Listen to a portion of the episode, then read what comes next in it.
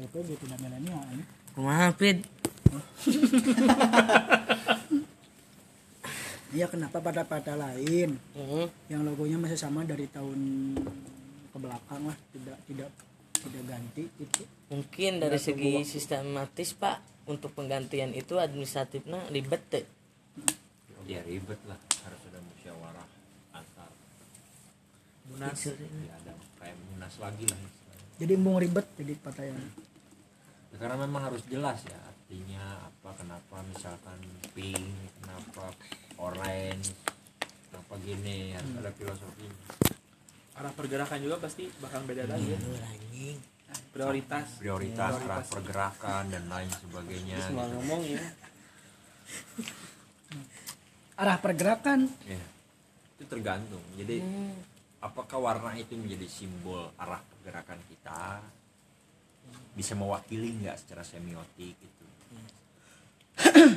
Tapi berarti pak seberapa penting logo partai teh sehingga ada diganti? Ya.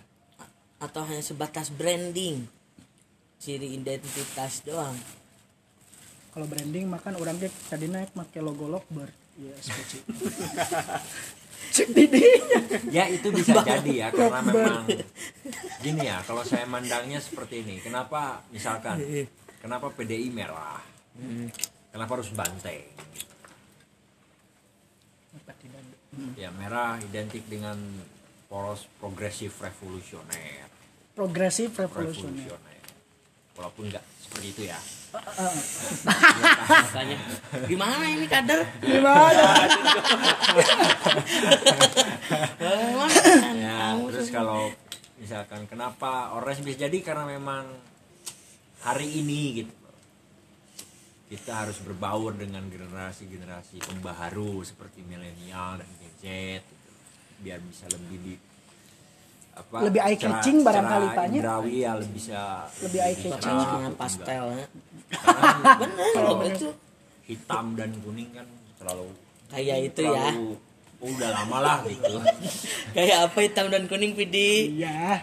Kayak tai dinat yang listrik. Iya hitam dan kuning betul. tai dinat oh yang pantesan ya jadi orang. Terus dalam Tahu. segi, segi segi bentuk juga kan sekarang emang tren-tren logo Nuhar itu kan Iya. minimalis Tekton. minimalis Banget ya. minimalis Hmm, hmm. karena ketika pengen dibilang ini logo milenial ya minimalis gitu bentuk-bentuknya Iya, yang yang mudah di karena generasi hari ini tuh gak suka yang ribet-ribet ya. praktis ya. Praktis pra ya. lamun praktis berangkat aja, dari pragmatis. anggapan eta lamun berangkat dari anggapan eta kenapa PSI sekarang logonya tidak terlalu milenial? Nah, kan mereka dulu tuh ada Partai Sosialis Indonesia. Mungkin PSI, PSS, PSI, PSS ya itu dari siapa? Tahrir ya, kalau nggak salah. Lupa. Ya, mungkin mereka berangkat dari secara historis mungkin dari sono karena mungkin hampir mirip ya. adaptasi ya bisa jadi dan mil- ya walaupun ya jadi ingin pemuda hari ini tuh ingin ya, revolusioner walaupun tidak seperti yang kenyataannya iya betul. Ya maksudnya ketika aing disikir Gitu ya. ya. Itu ketika berarti di ada jargon. iya iya berarti Mungkin ya ekspektasi anda. Ya aing bicara kilas sederhana gitu. Bagi kalau misalkan ingin meraup eh, Gen Z berarti kadar-kadarna oge ya kudu ti Gen Z nya iya Nah, ada- tapi adalah- melakukan itu kan. PSI melakukan itu. Tapi orang kalau misalkan orang ayam memposisikan diri sebagai Gen Z make jaket lamun teu parka PSI dengan lambang seperti itu. Tuh banget. Ente banget gitu anjing. Ayo maka aja. Kewe lah ngajian partai besok mandi. Boleh. Nah. Nah lu jaketnya lambangnya gayung. Ente. ke gayung ucayan Oh, Jadi besok mandi ya. mandinya.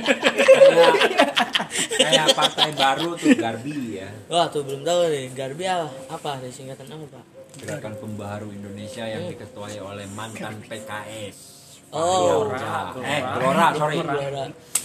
Gelora ya Gelora Cing, itu aja jurnalis. Eh. Yes, betul, Eh, iya iya ini kalau di mundur asing jurnalis. Ya.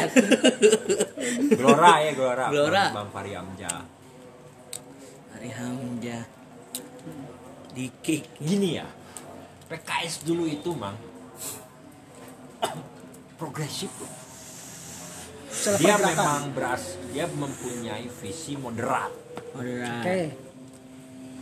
ya lempeng aja gitu loh tidak Dengan tidak visinya. mengatasnamakan agama masuk ke arana enggak politik ya politik agama Sekuler, beda lain sekuler. Sekuler ya, berarti. sekuler dulu gitu cuman ke sini ke sini ya nah itu kenapa bang Fahri Hamzah dikeluarkan dari PKS karena ingin memilih karena marwah PKS dulu itu harus seperti itu. Fahri Hamzah masih bersifat Ya, sekuler karena gitu. dialektika di partainya itu keren ya guys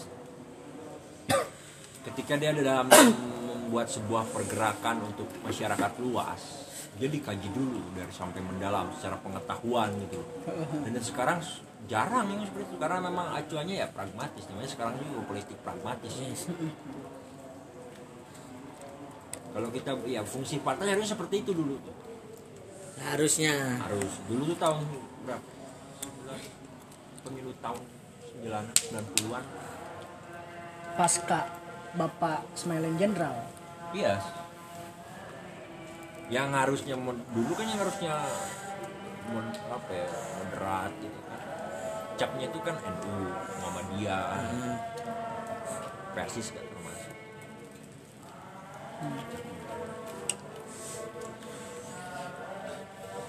Ya entah karena memang sekarang eranya revolusi 4.0 Zero. zero.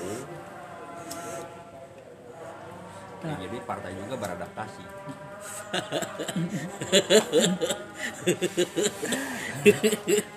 aduh ya Allah partai juga beradaptasi kan gitu.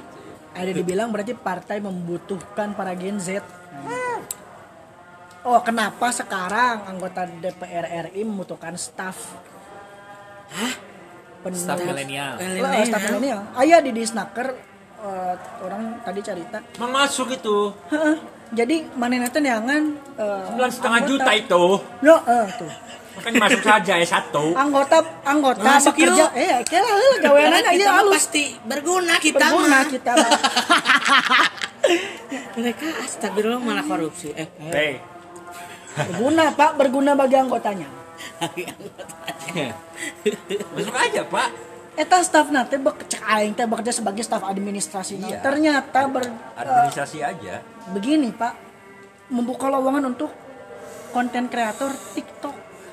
Wah yang bisa eh. ya. Ma- ma- ma- terlepas dari itu baik apa buruk. Iya iya iya. Ya. Heeh. Berarti bagi membutuhkan kami yang sadar dan bernalar pasti buruk. Karena buat apa? Nggak ada fungsinya Toh mana lagi sorangan bisa nyen TikTok mah sibuk apa sih? Ya? ya ya bagi kita yang mencari pekerjaan pasti akan disambut. Saya juga sebenarnya nah. Takis mang aja ya barangkali konten TikTok. Gak apa-apa lu lu tuangan akal mah di sini aja di sana mah udah perut. Perut aja. di sana perut aja udah Gak apa-apa. Salancar weh. dia mah. Siap. kok Iya. kayak ini ya? Kayak partai yang dewan dewan yang udah punya dewan di yang punya kursi di dewan harus ingat ke. Iyalah kan perjuangan lah. Iya betul. Kamu disokong dana kita loh. Tolong Pak jurnalis. Tolong Pak agenda settingkan. Bang agenda Ya, setting. bahkan fungsi jurnalistik hari ini tuh aku pikir sudah sangat defisit sebagai pilar karena ya entahlah siapa yang menjadi pelopornya saya nggak tahu. Mungkin karena efek teknologi ya, perkembangan teknologi. bukan hanya itu, Bukan hanya itu. politik juga sangat mempengaruhi. Teknologi hanya bagian beberapa, tapi kan Media penggunanya ya. itu kan politik lagi-lagi. Orang yang menggunakan itu ya. Iya, orangnya. pisau ya. Yes. orangnya gitu lepas dari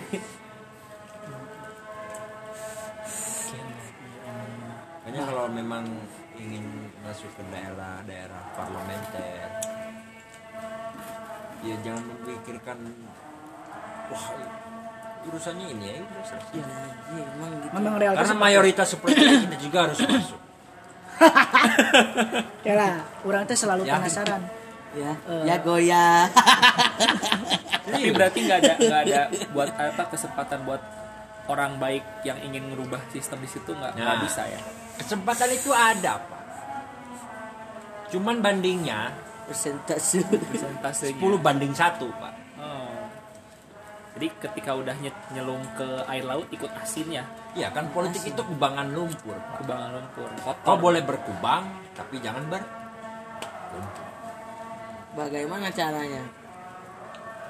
pakai kaporit Pakai jat lilin. jat lilin Meh iya tenempel. Nah, jat lilinnya itu apa? Apa? Apa yo? Apa ya? jat lilinnya Iya. oh, money laundry No bau supa. Tuh, ya anjing sih mah euy. Lu anjing filau. bilang Sama jurnalis Playboy. Atau popular magazine. Ngerinya membahas tentang lambang-lambang partai. Bagaimana nih? Itu kan semotika dan kajian-kajian. Iya, Kamu semiotika. Iya, tapi kan penting, nanya, penting. eh, menurut kalian paling menarik bagi kalian logo partai apa sih? orangnya orang Eh, paling menarik Aing mah logo partai Golkar Golkar, kenapa? karena kuning karena Kuning kayak apa, Pis? ini kayak si 1000 Oke, asum ya. Tapi baik. tapi kalau saya murba. Murba. murah partainya Tan Malaka dulu. Apa itu lambangnya, Mbak? Saya kurang apa ya? Lupa. Bagus sih.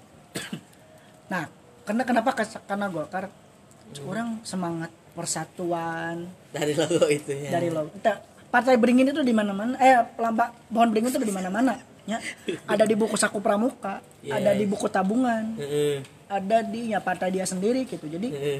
halus lah strategi Halusnya politik propaganda. ingat buku tabungan ingat Golkar itu Oh branding nah Branding oke dah, oh, setuju bener alus anjing. Ih, siapa ya yang buat yang buat itu ya keren. keren keren Pasti 2M lah. 2M. makasih mau Oh, menurut mana dan partai logo partai mana? hmm, paling menarik. Kurang nggak begitu memperhatikan ya. Maksudnya poho gitulah. Apa namanya eh, detailnya apa detailnya gara-gara kemarin gitu. golput jadi nggak tahu Di- detailnya lupa untuk untuk logo-logo partai ya cuman saat ini karena kemarin bersinggungan lihat-lihat lihat ini kan logo-logo PKS ya yang ba- yang orang lihat ya PKS KS. yang emang dia dia mencoba untuk mendekati milenial dengan mengubah Tadi. logo itu Hmm, ngerinya. karena ya pakai strategi agama. Kenapa nggak pakai strategi agama lagi dah? ya kurang tahu saya kurang tahu saya bukan bagian Oh, nggak tahu ya? Iya, tahu. tapi tidak berarti menggadaikan iman Tidak lah. tidak Tidak. Berdasarkan iman dan jangan kayak partai lambang kabah yang menggadaikan iman. Ush, banyak ya. Mati lu genap genap genap. suara disebut. Eh, tapi memang itu konkret ada buktinya ya. Konkret, ada barangkali ya gitu lah barangkali. Coba buktinya apa? ya rasa ini ya karena ini sifatnya untuk publik ya. Hmm. Jadi ada beberapa komunitas waktu itu yang sedang nongkrong. Subkultur di Bandung tahun 2010-an 2010 ada salah sa- salah satu bidang kampanye partai masuk dan itu berangkat dari partai yang mengatasnamakan partai Islam islami Islam ya nah dari situ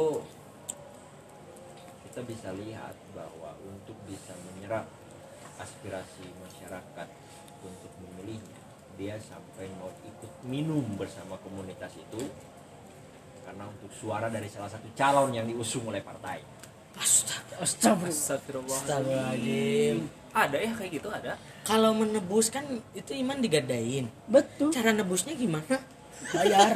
Ke Kapsul Vatikan. Sama Paus Paulus. Ya kayak gitu pak. Anjir. Ya ini apa ya fenomena konkret yang saya rasakan. Saksikan ya. Saksikan langsung, di depan Langsung. mata.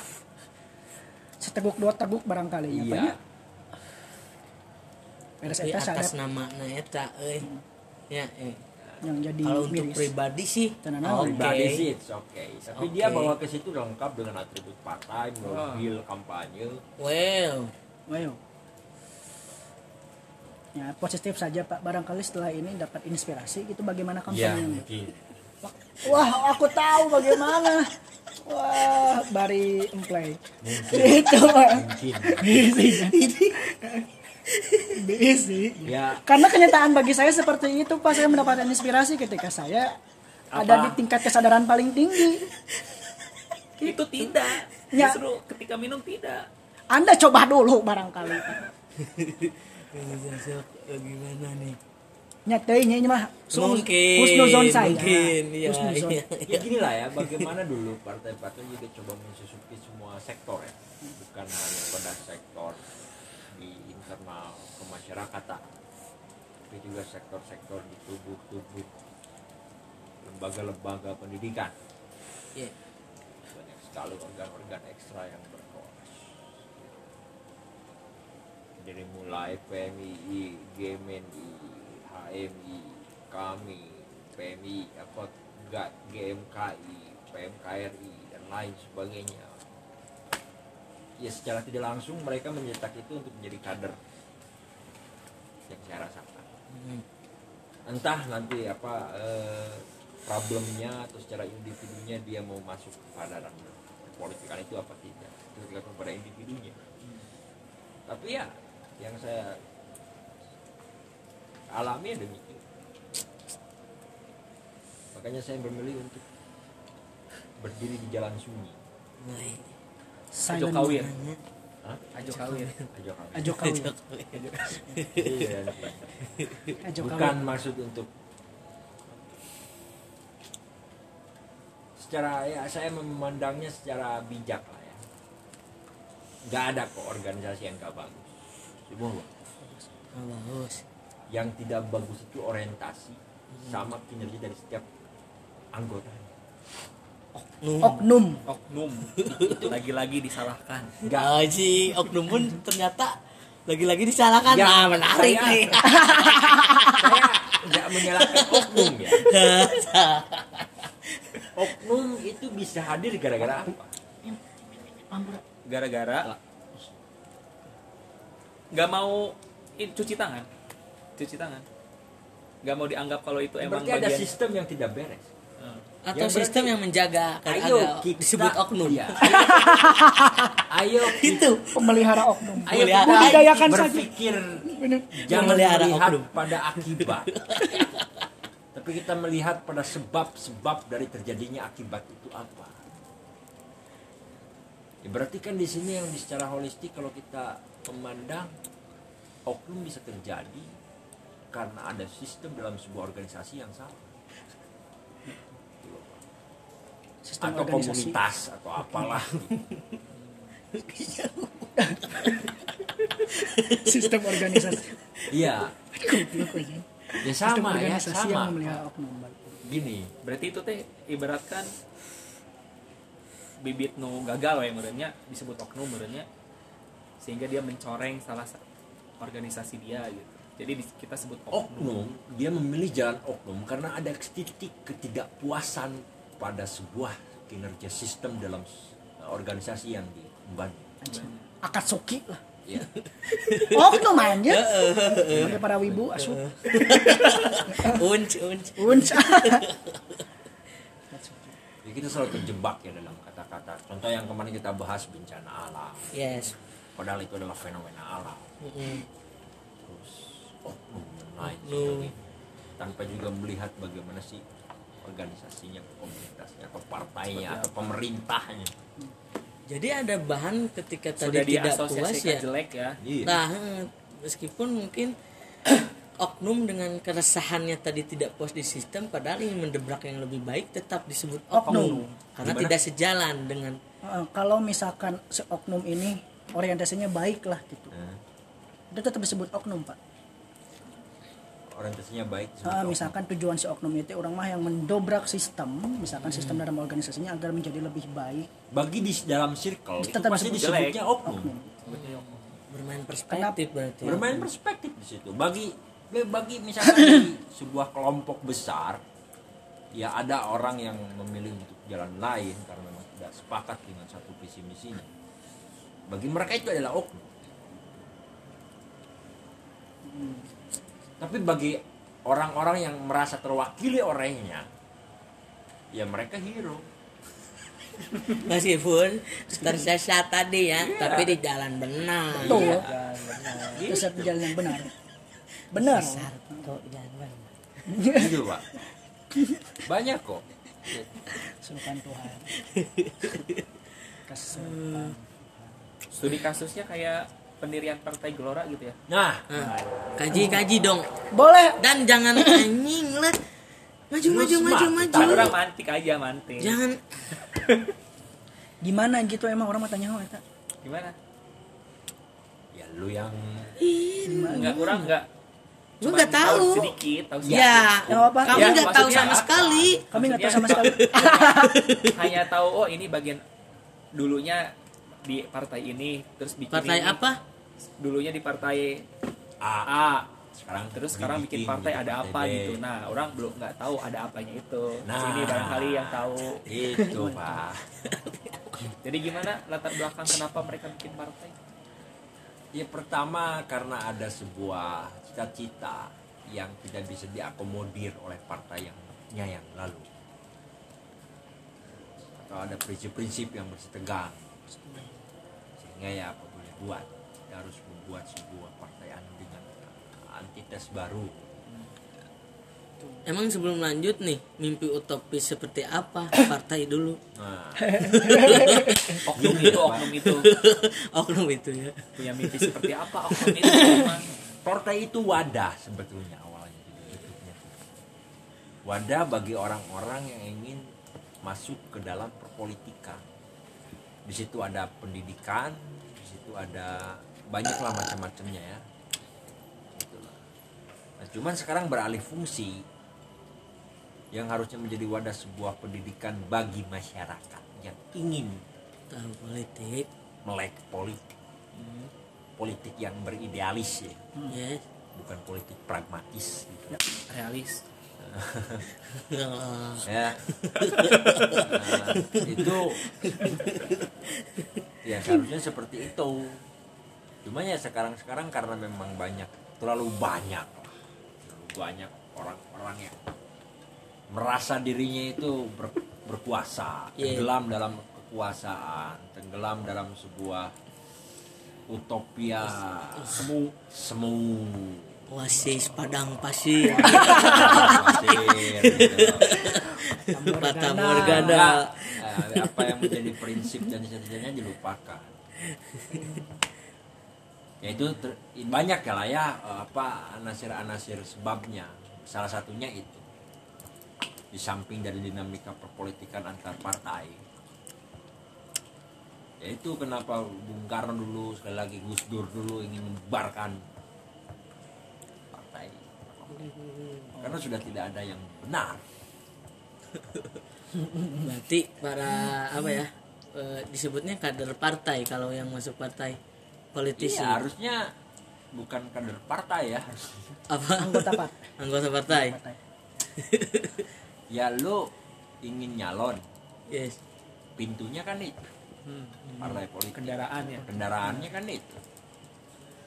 Nah kalau sudah naik ya lu bawa individu. Seharusnya ya? Harusnya. Seharusnya. Dan paling perkataan yang tepat ya gue diusung sama ini. Sudah nah partai itu mengakomodir dari segi logistik kampanye. Masa masa bukannya kita yang mendikte. mendikte. Ya sekarang kan gitu ya. Iya. ya mungkin ya orang-orang partai ini jarang denger musik gitu ya. Karena ada gini ketika mimpimu Anjing. yang begitu indah tak pernah terwujud ya sudahlah Enggak sih itu itu loh dulu. gak usah bikin partai lagi lah legowo lah Anjing udah tuh. tapi kan nilai-nilai itu perlu diperjuangkan Oh ini nilai E semua benar, benar tapi itu harus jadi A mungkin Iya. kalau merujuknya ke sana gue Iya. setuju iya ketika Iya. tidak ada frekuensi yang sama mungkin ya dia Hmm. bikin entitas baru untuk untuk mewujudkan mimpi yang mewujudkan mimpi yang tidak yang sudah lama Untungnya itu akan jadi berkelanjutan kan ketika misalkan di partai yang baru itu juga ada yang tidak setuju lagi ntar ada oknum partai. ya kan sebelumnya juga ada Golkar tuh jadi lingkaran berkarya ya. ya jadi berkarya Ya, aku tuh tertarik banget tuh berkarya. karena berkarya Kayaknya apa aja? Golkar sekarang anggotanya sudah jadi menciptakan uang. Manis. Kroni-kroni orde baru tuh udah kikis di Golkar. Oh yes. Makanya dia pindah bikin lagi berkarya. Ya ini mayoritas di Golkar tuh banyak orang-orang NU sekarang ya. Berarti dia sudah diagendakan oleh eh, saudara-saudara NU sebelum Iya, kita iya. harus mengkooptasi. karena gini ya so, coba kita kita coba terkala aku ya harus ke mana ya Pit Ke mana dong? kita bisa tebak lah wakil presiden kita sebelum sekarang itu siapa Sukala. Maruf Amin Eh, Sukala. move on bro Yusuf Kala jadi dia kan berangkat dari HMI Mm-mm. terus sekarang Deddy Mulyadi ya? Oh iya. ya jadi sempat dia jadi. berangkat juga ada banyak kok kader-kader HMI yang jadi. Ibu Bante Emang dulu dari kader mana, Pak? Gemeni beliau saya ya bukan saya dulu Eh, Gemeni di Unpad dia Di dulu Unpad. bertanduk bung Oh iya. Iya, saya dulu bertanduk, Pak. Saya dulu bertanduk. Hellboy. Saya Hellboy. Hellboy bertanduk. Biji ya mah ima dua dulu saya bertanduk. Nah, banyak lah ya kayak siapa sekarang gubernur Jawa Tengah oh Ganjar eh Ganjar Pranowo Ganjar beliau juga Gemen. Oh dulu tunggu eh, yang Paduka Ratu dulu di apa porosnya GMNI juga. Gemen. Kan di GMNI mah. GMNI mah adanya di universitas tertentu, Pak. Eh di universitas-universitas. Hmm, Siapa? Nah, dulu di univers- universitas mana? Ah, banyak. Semua. Enggak, maksudnya dulu Ibu Banteng. Unpad. Unpad. Unpad. Oh, lulusan Unpad. Unpad. swasta ya Apa? Unpad swasta. oh negerian Oh iya. Iya, iya. iya. tapi Bu Banteng kata Pidi ya gak lulus Emang gak lulus? Oh, iya. tapi kan eh, syaratnya cuma lulus SMA Pit Oh, gitu. jadi presiden bukan bukan bukan orang Oh, tidak iya. mendiskriminasi pendidikan. ya. Eh, Oh, tapi kan pintar. Pendidikan saya Betul. lupa. Kan yang paling penting kan sumbangsinya bagi negara dan bangsa. wah sangat Banyak. Mi oh banyak banyak oh banyak ya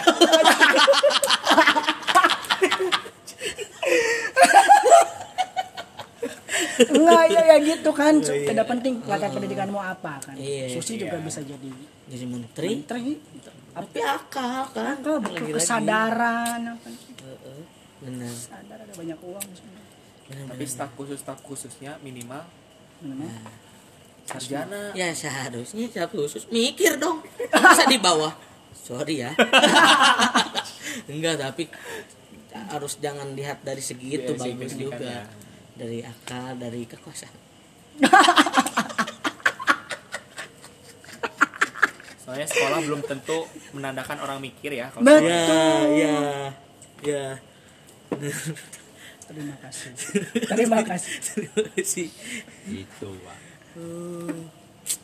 Panjang, panjangnya eh banyak. Anasir-anasirnya banyak. Nah, Tapi yang tadi belum disebutin mimpi mimpi utopis. utopis mereka apa Batai-batai. Apa? mimpi utopis pendiri partai Gelora itu apa awalnya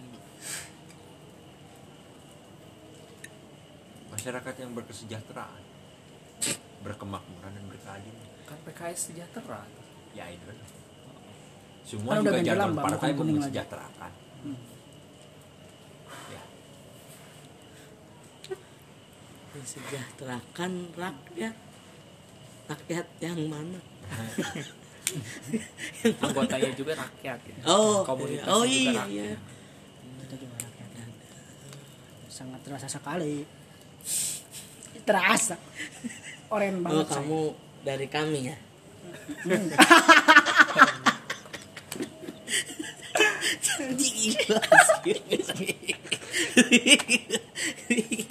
ya gitu. Jadi ya. Ya sekarang gini ya. Apa ya? Sulit ya. Spekulasi tentang politik itu berarti. Wah, sangat Betul, sulit. birin labirinnya banyak. Labirin. ya cara cara besar untuk memahami itu ya terjun kata bener kata Sulo Ya, saya juga dulu karena ingin merasakannya terjun. Setelah merasakannya juga bisa. Kalau menurut kalau politiknya benar mungkin saya sampai sekarang. Kalau terlena, oh kalau benar, oh kalau benar. kalau benar. Menurut falsafah bapak Oh, Benar. yes. Kalau ya udah Tapi kalau kan Bapak sudah pernah terjun nih Pak, Mm-mm.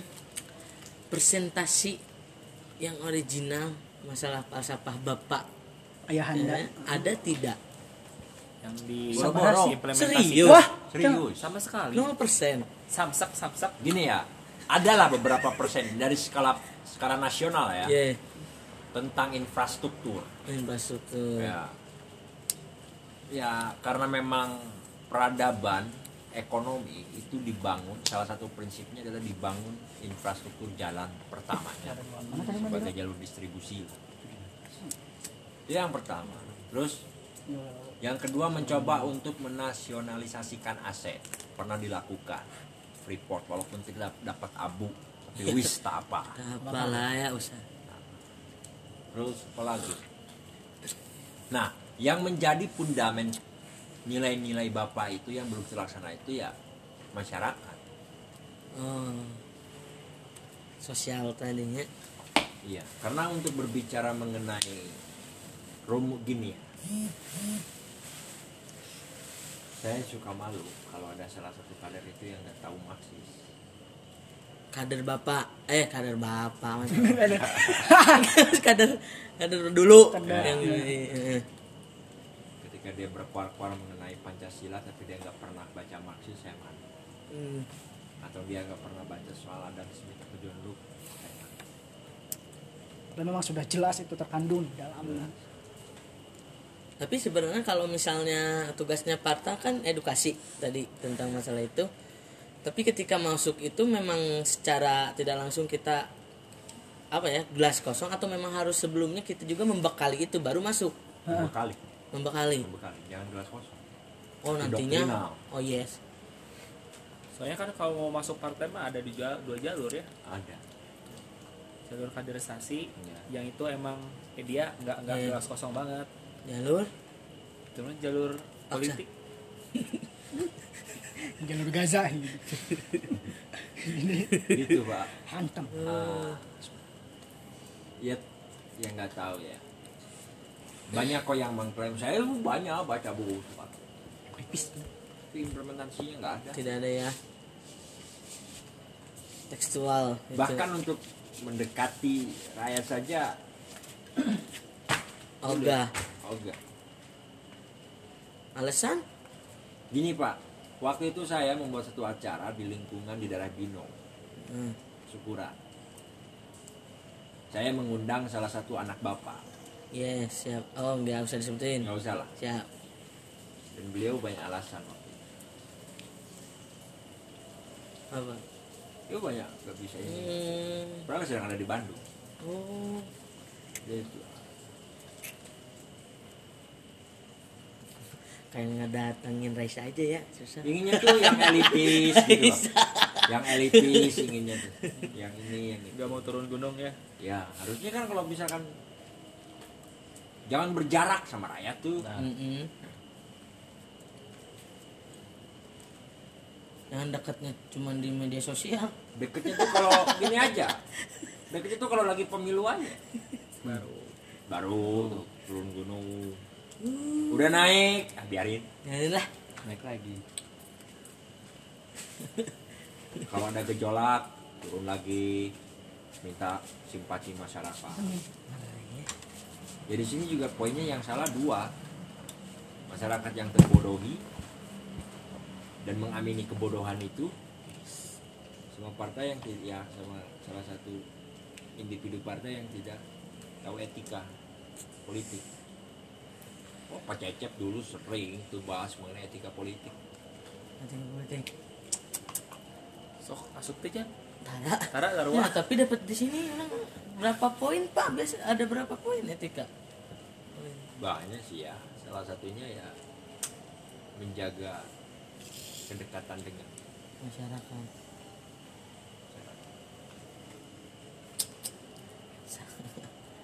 Lagi lagi lagi lagi. Ini. idealisme yang dikedepankan Salah satunya itu. Ih, Ada yang tidak poin yang sampai saat ini relate wah nggak ada sama sekali dari sebanyak tadi dari sebenarnya nggak ada Wah, nggak ada atau mereka punya buat sendiri karena kan mereka punya kuasa. gini pak etika politik kenapa ini etika politik?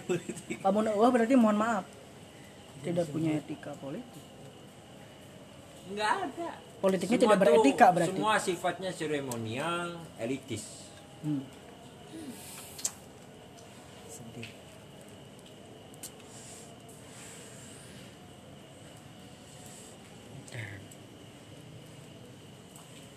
Nah terkait terkait jarak antara pimpinan dengan rakyat contohnya. Kan eh, se- sebagai eh, ideologi itu kan bahwa bilang tidak boleh ada jarak antara rakyat. Kan rakyat yang mana dulu gitu kan. Itu masih umum gitu kan.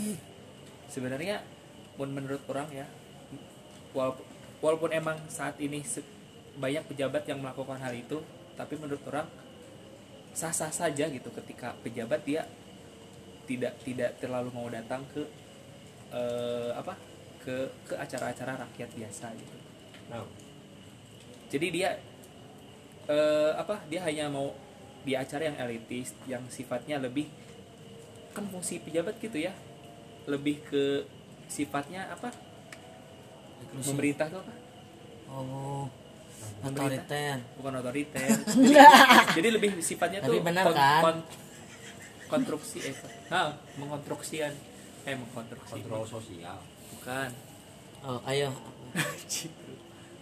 Eh, Ya pokoknya menginstruksikan gitu menginstruksikan ke ke bawahannya gitu enggak Jadi nggak apa-apa, nggak datang, tapi eh, walaupun hanya mengutus bawahannya yang datang ke situ, cara dia nggak langsung. ada Atau solusi. nggak datang gitu juga ya. nggak apa-apa dan orang mengges menginstru, mengkons- anon, menginstruksikan.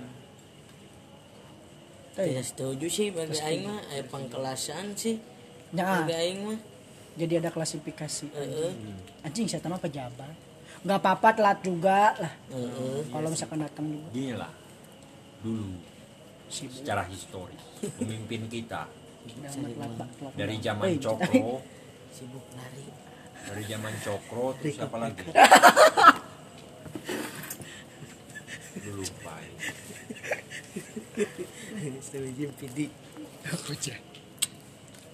Itu kalau kalau hadir ya hadir aja gitu nggak ada kok Hmm, eh, apa Tapi ada yang itu ya bahkan suka ngopi gitu bareng-bareng mau mana? Oh kagok. Tuh itu weh, jombro, jombro.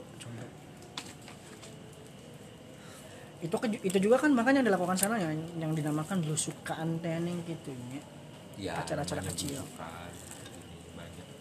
Nah, kenapa maksudnya kan memang kalau eh, etikanya etikanya demikiannya tadi etikanya dengan rakyat tadi apa Pak yang terakhir nih? tidak berjarak tidak bicara Tidak bicara dengan rakyat dan segala macam. Mestinya tidak usah jadi suatu yang spesial belu- belusukan tehnya. Karena memang yang enggak saya biasa emang hal biasa mah seharusnya Heeh, tidak perlu jadi branding. Wah, ini presiden eh apa? Bapak. Wah, ini Bapak pejabat kita belusukan. Bukan hanya presidennya kan banyak sekali. Ya. Tidak perlu jadi yang spesial karena ternyata etika politiknya pun seperti itu kan. iya Mestinya makanya ya karena masyarakat belum teredukasi secara menyeluruh kalau saya mau memandangnya udah biasa lah yang Itu salahnya masyarakat, tugasnya. yang salahnya masyarakat apa pejabat yang belum paham nih Justru bahwa pejabat kayaknya paham Pin Oh karena paham. Jadi dihilangkan dulu si tadinya, Ah, mungkin nanti seperti baru di manena melakukan dengan oh ini hal baru yang saya lakukan. Padahal mah emang seperti itu. nah harusnya seperti Edan. itu. kayak Bu Risma aja belusukan gitu disangka ini disangka itu. Bagi orang mah itu memang tugasnya itu. Namanya juga pembantu presiden. Betul tugasnya itu kalau presiden kerja 7 jam menterinya harus lebih dari 7 jam betul. itu tuh capeknya jadi menteri tuh pak sampai-sampai seharian gitu Makanya Ngeri. Apalagi Bu Risma katanya selalu datang lebih pagi. disiplin memang harus seperti Ya, itu memang harus seperti itu. Terima kaidah- kasih, Bu Terima Risma. kasih Bu Risma. Ima serius orang mah. Hmm. Memang harus seperti itu. Sebagai contoh lah ya. Contoh betul. Masih ada ada, jarak, kepercayaan Contoh. kami terhadap Bu pemerintah gak ada jarak. beberapa persen hanya Risma saja. Nggak kayak bu, sorry ya. Bupati bupati hari ini tuh suka elitis. Kalau lagi ada ke daerah pemilihan suka inginnya tuh di jamu ini. Iya, selebritis lah ya. Tapi Pak aku mau tanya, kan dulu mah justru orang tuh pada gak mau ya jadi pemimpin. apa Orang tuh gak mau jadi para Iya. pemimpin. Berat. Berat tanggung jawab. Eh, terus pemim eh, nih pengklasifikasian tahta kan berarti mulai terjadi sejak era naon tah sehingga semua orang Haus untuk berebut, memimpin. eh, eh, tahta harta tahta perempuan Eh, eh. jadi era kosmos sekarang pak sekarang karena Faktor. gini dulu yang menjadi klasifikasi jelas untuk seorang pemimpin itu harus paripurna hmm, bukan hanya eh, apa bukan hanya cerdas pikir mental sikap terus mempunyai apa visi yang lebih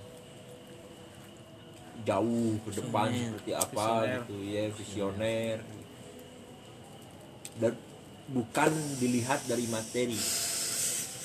Materi dulu dilihat. Cuman yang menjadi poin itu tadi kepribadian. Makanya berat. Sekarang sekarang kan mudah siapa pun bisa jadi pemimpin asal punya apa? uang. Tinggal bikin band terkenal bandnya. Uh, udah banding setit. Ah itu Banyak makanya aku ngeband pit. Oh iya.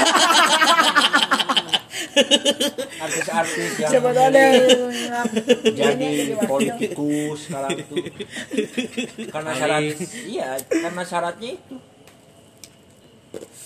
Uang cara sekarang. Pernah nggak ditanya filsafat pancasila apa nggak? Belum. Enak gila misalkan orang yang nyalon jadi bupati dan bla bla bla aya tesna tes sih siga tes eh, kelayakan. ya kelayakan lah gitu eh. ya ada pak. Kalau sekarang kayak tes urin. Anjing urinnya layak tidak? Ah kalau urinnya warna hijau. Tes kesehatan. Ulang. sekarang kayak gitu. Sekarang kalau dulu kan tesnya tes pemikir. Ya gitu. Sekarang tidak ada pak. Enggak. Coba lu jadi pemimpin visi lu gimana ke depan? Sekarang ada. Cuman ketika ditanya lebih radikal lagi. Tadi saya baca buku dulu. Langsung Sekarang hubungi aja. mah Kena jadi- aksara. Bagus, kritis. Justru ayah mah cerdas cermat teh dianggap ah udah SD. Oh, nya. Padahal mah euy. Nu- Maksudnya ini kalau gitu tentu bisa. tentu bisa ya. Barangkali ya mungkin reality show cerdas cermat antar Antar buka. Menteri. Oh, ini resepnya meresep anjing. Ih, kudu pit mana invasi sekarang tuh buku mudah kok didapatkan Yes, nggak tuh. benar. tinggal masalahnya ada ada kemauan gak untuk membacanya? Itu. Sumber dari untuk mengasah nalar itu banyak. Itu kan mayoritas masyarakat kita boro-boro. Tapi gue jadi setuju gini bang. Pas kemarin kita bahas Orang kita di-trigger karena ketakutan. Bagaimana kalau misalnya ada stasiun TV Ngadu-ngadu gitu Mungkin orang-orang pada ketakutan bahwa dia terlihat bodoh. Jadi dari terdait maca. Des. Iya makanya gini pak. Ketakutan itu perlu diciptakan. Yes. Dalam hal konstitusi. Mm-mm. tapi sifatnya untuk membangun. Membangun karakter. Membangun peradaban. Bukan malah mengkebiri dari sumber-sumber efek pembangunan itu gitu.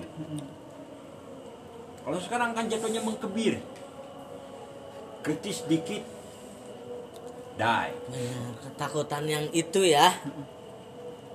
Ya salah satu orang mengungkapkan Aina Iya. opini kan? Woi teh power. mah jauh. Tapi benar oke sih kalau menciptakan suatu ketakutan harus ketakutan yang seperti apa lagi Pak? Tuhan sudah sudah tidak ditakuti Sudah iya makanya. Malah digandrungi anjing. malah dirasuki. Dimasuki. kayak Masuk gini apa? lah. Pribadi saya takut sama yang namanya kebodohan. Yes sama gitu. makanya motivasi saya harus membaca. Gitu kan? Saya nggak mau dibodoh-bodohi orang. Apalagi dibodoh-bodohi pemerintah. Nah pemerintah bukan. kok pelan sih Enggak, enggak, enggak. gitu loh nggak mau saya. Makanya saya membaca. Di Yes. berbagai literatur dan lain sebagainya.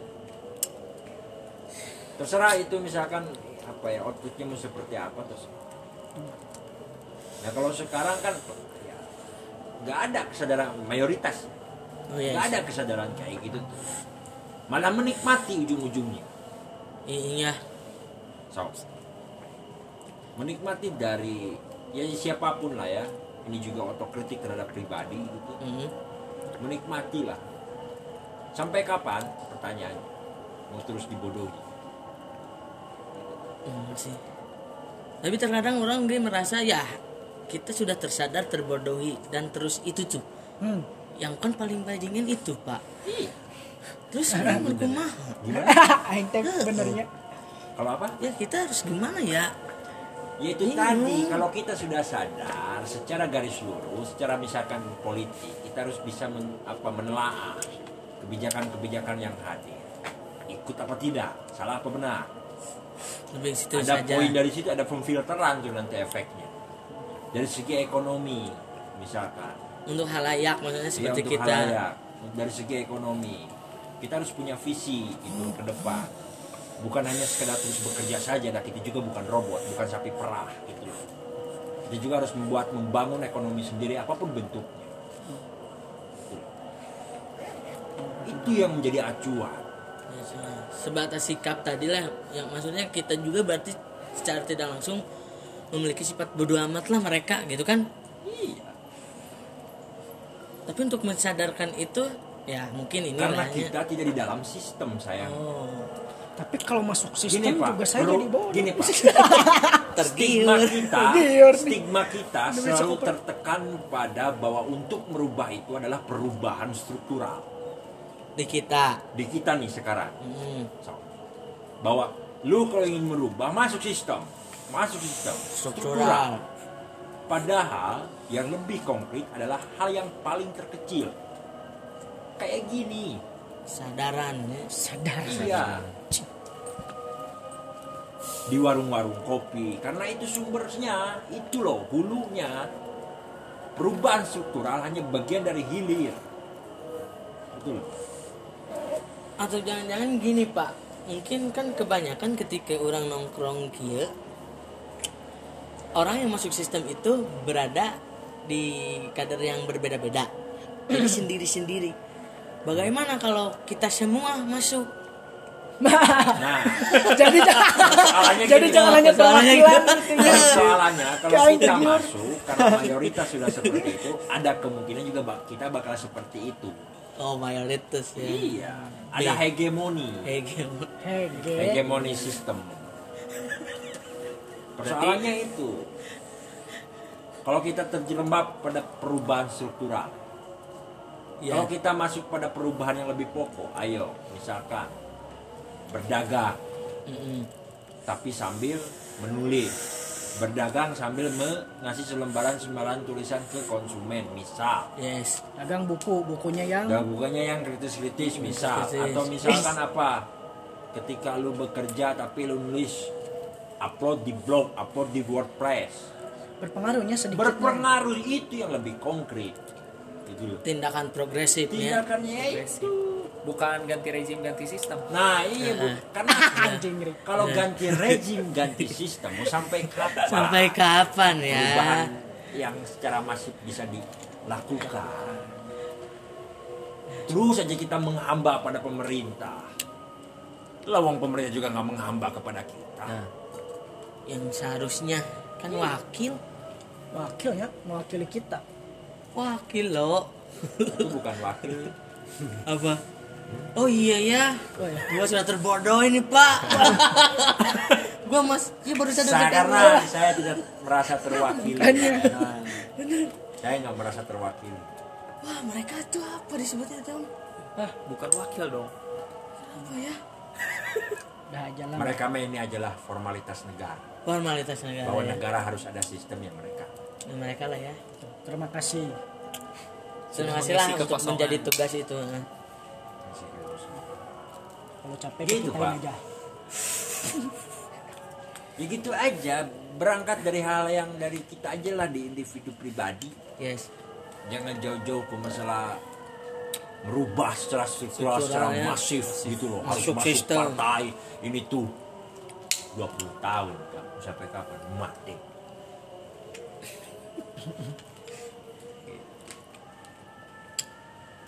Kopnya ke selembaran kertas beratus-ratus kata lah cet cet cet cet cet cet, cet tembus ah. Karena di itu balik orang mah balik lagi ke masanya. Misalkan kita akhirnya uh, nyeun Vanza ayeuna kan Vanza, naon, ya. Vanza masa yang kita raup mungkin tidak sebanyak masa-masa mereka Pak yang sudah berlumpur. Ah gitu. Ya itu tadi. sistem kita kan berarti menjadi antites terhadap mereka. Nanti kena UITE ya kalau misalkan takut jangan menjadi antites oh ya ikut aja mereka pit. Sorry. Jangan enggak ngaku ngaku kamu juga ikut kalau kalau nggak mau terang-terangan sih. Ya kan maksudnya tadinya eh, adanya ini kan jadi G25 an pit Oh, lima. ayo dong batu sebenarnya kan guys belajar. Sepetak. Sepetak, ngopi ngopi. rokok iya. oh oh oh saya anjing ah amit goblok gitu nya berangkat tina pemahaman sebelumnya tadi Ya, pas Pak, sore negara juga perlu dikritik agar apa? Agar bercermin kan pak? Bukan hanya bercermin. Oh teh goreng. Agar dah ge banget goreng gitu sih gak cucu Up. ya agar agar di, agar, agar dinamikanya terus hidup. Ah, makanya ada koalisi ada oposisi. Tapi sekarang oposisi jadi koalisi pak. Nggak ada kan? Ya artinya apa? Demokrasi yang harusnya sehat karena memang ada koalisi dan oposisi malah tidak sehat. Tidak sakit. Sakit. Sakit. Pak. bukan bukan itu teh bukan dicerminkan sebagai bentuk persatuan ya Pak, lain itu. bukan malah dicap dicap sebagai permusuhan. Nah, itu tuh anjing. karena baik koalisi dan oposisi menyuarakannya bukan kritik untuk pembangunan. Tapi kritik untuk permusuhan saling menjatuhkan kan mereka Iya. siapa yang menjadi korban Masyarakat. iya kita kena gas air mata Pak. Diadu dombakan. jadi rudet ya sekarang gini lah masyarakat ah saya udah nggak peduli sama politik ah tapi ketika pemilu ada 20 ribu dika- diterima boleh Serangan fajar ya. terima saja. Serangan fajar. Terima saja. Terus dia milih cos gitu kan? Selesai 20 ribu untuk visi sebuah negara ke depan. Murah pak. Siap. 50 eh biasanya 50 Mau pulang mah lumayan lah ya. iya biasanya 50 berarti iya lu tukang narima ya. jadi please lah.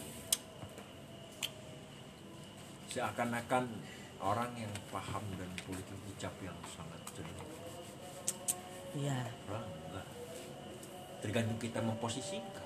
Tadi euy bener nge- nge-brand tentang permusuhan eta kan lahirnya bagi aing tadi UITE.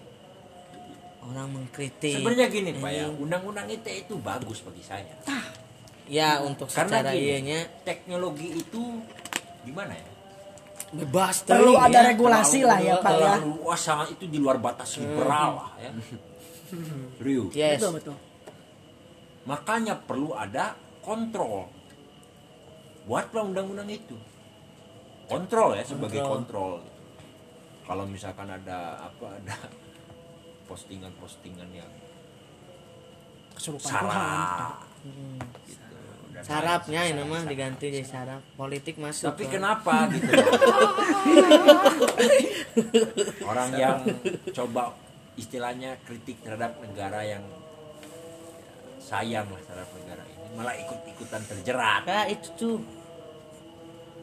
berarti ada yang, apa yang salah dalam peraturan sistem undang-undang ITE ini Kebijakan. kebijakannya yang perlu dirubah lagi itu tadi dirubah di- dirubah oleh orang-orang yang punya kepentingan nih serorotin Oposisi, oposisi. makanya jihad parlemen anjir jahat parlemen. Orang jihad naon atuh Fit? bisa deh tapi makanya kemarin untuk masalah hukum ya mengusulkan Mahmud MD teh dia harus hukum tuh restorasi gitu jadi nggak tok ketika kita mengajukan ini salah terus diproses secara hukum tapi ada ada Kajian, ada kajian. diskusi dulu bahwa ini ini yang benar Seharusnya. ini harus jadi nggak nggak misalkan untuk masalah sekecil dipolisikan terus langsung diproses hukum nggak nggak seperti itu gitu untuk hukum eh, sekarang yaitu dikatakan represitas dan subversivitas Oh. Yes. kalau misalkan mampu dan berbicara itu berarti dia mengedepankan asas musyawarah dan mufakat Mufakat. betul Sudah di sana tapi dan itu. Kurang tahu sih. Dulu soalnya pas tahunnya tiga bulan yang lalu lah.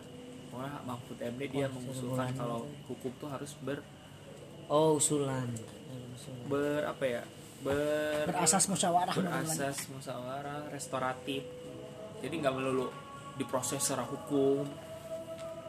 Harus ada diskusi eh, pendekatan ini penyelesaiannya nggak nggak nggak langsung ke ranah meja hijau. meja hijau kan iya adalah Kalau pendekatan misalkan dulu secara persuasif.